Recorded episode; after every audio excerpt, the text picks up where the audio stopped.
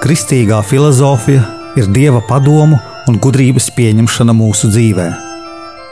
Mīlēt gudrību nozīmē mīlēt dievu, jo no dieva nāk patiesā gudrība. Raidījums Kristīgā filozofija.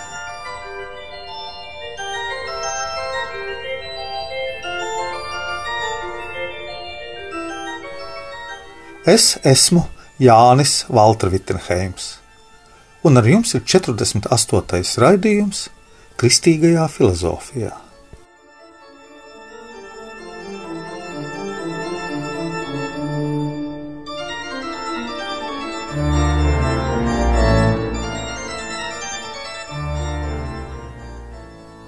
Mūsu domāšana ir mūsu ceļš. Ar savām domām mēs nospraužam sev mērķus un virzāmies uz to. Ar savām domām mēs ejam pa to ceļu, kur atrodam savas kļūdas, citu kļūdas un izvērtējam visu.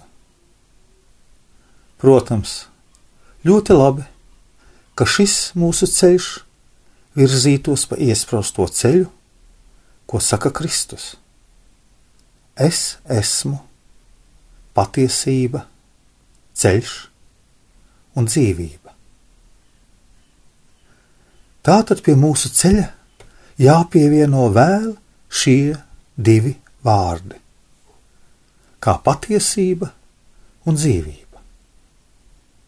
Un nav vērts kļūdīties. Tādēļ, ka šis ceļš ir tikai viens. Tas ir tas laiks, kas mums ir dots, kas ir Dieva dāvana priekš mums, un mēs nezinām, kad šis laiks var mums beigties. Kristīgās patiesības mīlestība, kristīgā filozofija mūs ved uz priekšu domājot un apspriežot mūsu pašu dzīvi un salīdzinot to ar evaņģēliju. Kristībā mēs izmetam no sevis laicīgo pasauli, un svētais gars, ienākot mūsos, mūs padara līdzīgus tai mūžības pasaulē, kur mīt Dievs, jo gars ir no mūžības. Mums jāpārdzīvo ieiešana citā dieva pasaulē. Šis pārdzīvojums mūs padara citādus. Baznīca ir dieva valstība virs zemes. Lai dieva grib ir mūsos, mums jānoliec šī pasaule. Tātad dievs vada cilvēku uz to ceļu, uz to pasauli, lai cilvēks varētu savienoties ar dievu. Cilvēks pieņem dieva gribu. Tā ir izpildīt dieva gribu. Cilvēkam jācieš no tā, ka viņš nespēja izpildīt dievu gribu un cīnās ar savu pasaulīgo gribu. Mums jādomā, kas mums ir svarīgs. Iekšējais cilvēks, mūsu garīgais vai ārējais cilvēks, kas eksistē matērijā? Vai mēs dzīvojam garā un patiesībā, vai pēc šīs zemes likumiem?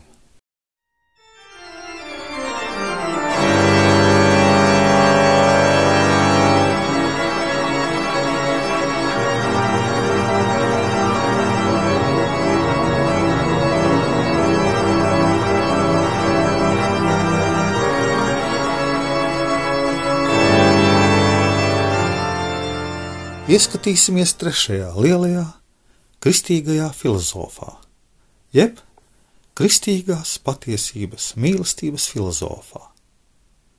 Tas ir svētais Akvīns Toms. Viņš dzima Dienviditālijā, Neapoles provincē, Rokaseka pilī 1225. vai 27. gadā. Viņa tēvs ir grāfs Landulfs no Akvīnas, māte Teodora, teātras grāfiene, bet vecmāmiņa ir romiešu vācu keizara Friedriha Barbarosas māsa. Tomam bija divi brāļi, četras māsas. Viņa brāļi grāfi Regināls un Landulfs bija karavadoņi ķeizara Friedriha karaspēkā, bet viena māsa palika mūķa un darbojās kā klostra priekšniece, tā kā Toms bija jaunākais dēls, viņš novēlēts garīgai kārtai. Lai mazo grāfu Tomu izaudzinātu, viņu piecu gadu vecumā nodot audzināšanā klosterī. Pēc sešiem gadiem Toms sūtīts uz Neapoli, lai tur iegūtu zināšanas. Aptuveni 18 gadu vecumā viņš tiek uzņemts svētā Dominika ordenī, kas izraisa ģimenes neapmierinātību, jo viņi bija paredzējuši viņam citādu karjeru. Uz studijām Parīzē Toms nokļūst 1245. gadā. Tajā laikā Parīzes universitātē darbojās pasaules slavenais filozofs, Svētais Alberts Lielais. Un tā pie Alberta Lielā Toms studēja septiņus gadus. Pēc tam ātri vien Toms palika pasaules slavens. Visi apbrīnoja viņa lielo skaidrību visās lietās un dāvanas viegli saprotamā veidā visu izskaidrot. Ap 1261. gadu, kad pāvests Urbāns IV viņu uzaicināja uz Romu, viņš sāka strādāt pie svētā krēsla par galma teologu. Tomam bija uzdots sarakstīt darbus, kas sagatavotu austrumu baznīcas apvienošanos ar Romu, kā arī palīdzētu izstrādāt visvētākā sakramenta godināšanas liturģiju. Šajā laikā Toms strādāja pie vislielākā darba sava - summa teoloģika radīšanas. Baznīcas tēviem vislielākais filozofs bija Svētais Augustīns. Vecākie viduslaiku filozofi turējās pie viņa. Galvenais, ar ko šī mācība atšķīrās no Svētā Akvīnas Toma, ir sekojošais. Pirmkārt, mācība par garīgo matēriju. Otrkārt, vairāku formu pieņemšana vienā būtnē. Treškārt, lietu pazīšana dievišķā apgaismībā. Ceturtkārt, dvēseles spēju identificēšana ar pašu dvēseli. Piektkārt, ontoloģiskā argumenta par dieva esamību atstāšanas spēkā un mācība par gribas primātu attiecībā uz prātu. 1252. gadā Toms iesāka rakstīt, un 22 gados sarakstīja 18 sējumus. Savā summa teoloģika Toms ietvēra 38 traktātus, iedalītus 631 nodaļā. Šis darbs aptver visu dogmātisko teoloģiju un morālu teoloģiju, kā arī ļoti daudz no svētā Toma filozofijas.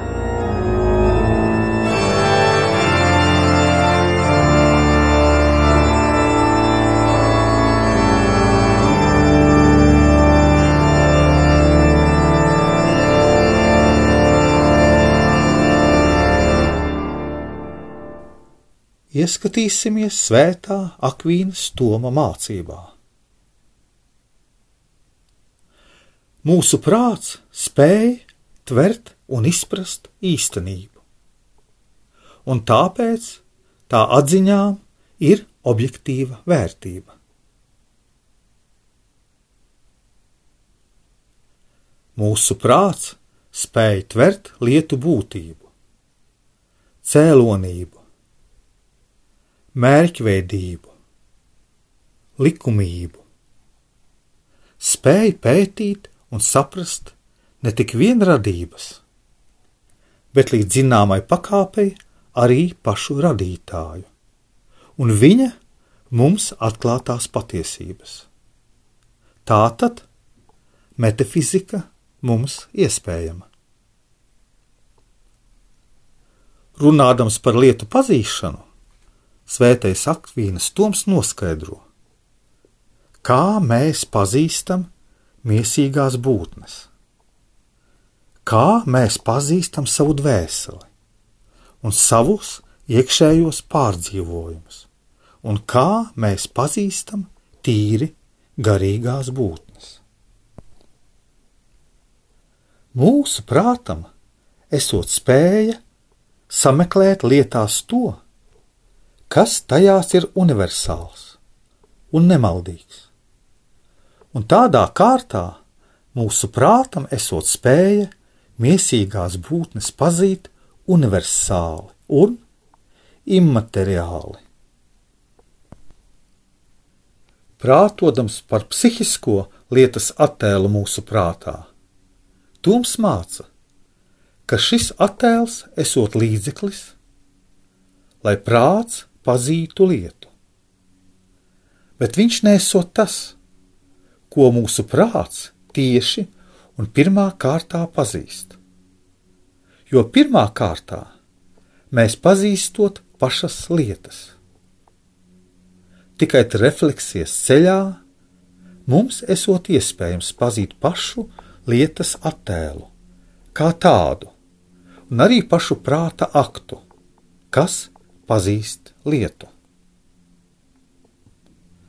Šī toma mācība ir pretstats to laiku pārspīlētajiem nominālismam un pārspīlētajiem relatīvismam. prātodams, vai visiem cilvēkiem ir vienādas atziņas par lietām, svētais akvīnas stūms nonāk pie slēdziena, ka vieniem cilvēkiem tās ir pilnīgākas, otriem mazāk pilnīgas. Tas esot atkarīgs galvenā kārtā no tā, kādas kuram sajūtu un pretošanās spējas mūsu prātošanas spēja turpretim, esot atkarīga no lielāka vai mazāka dvēseles pilnīguma un garīguma.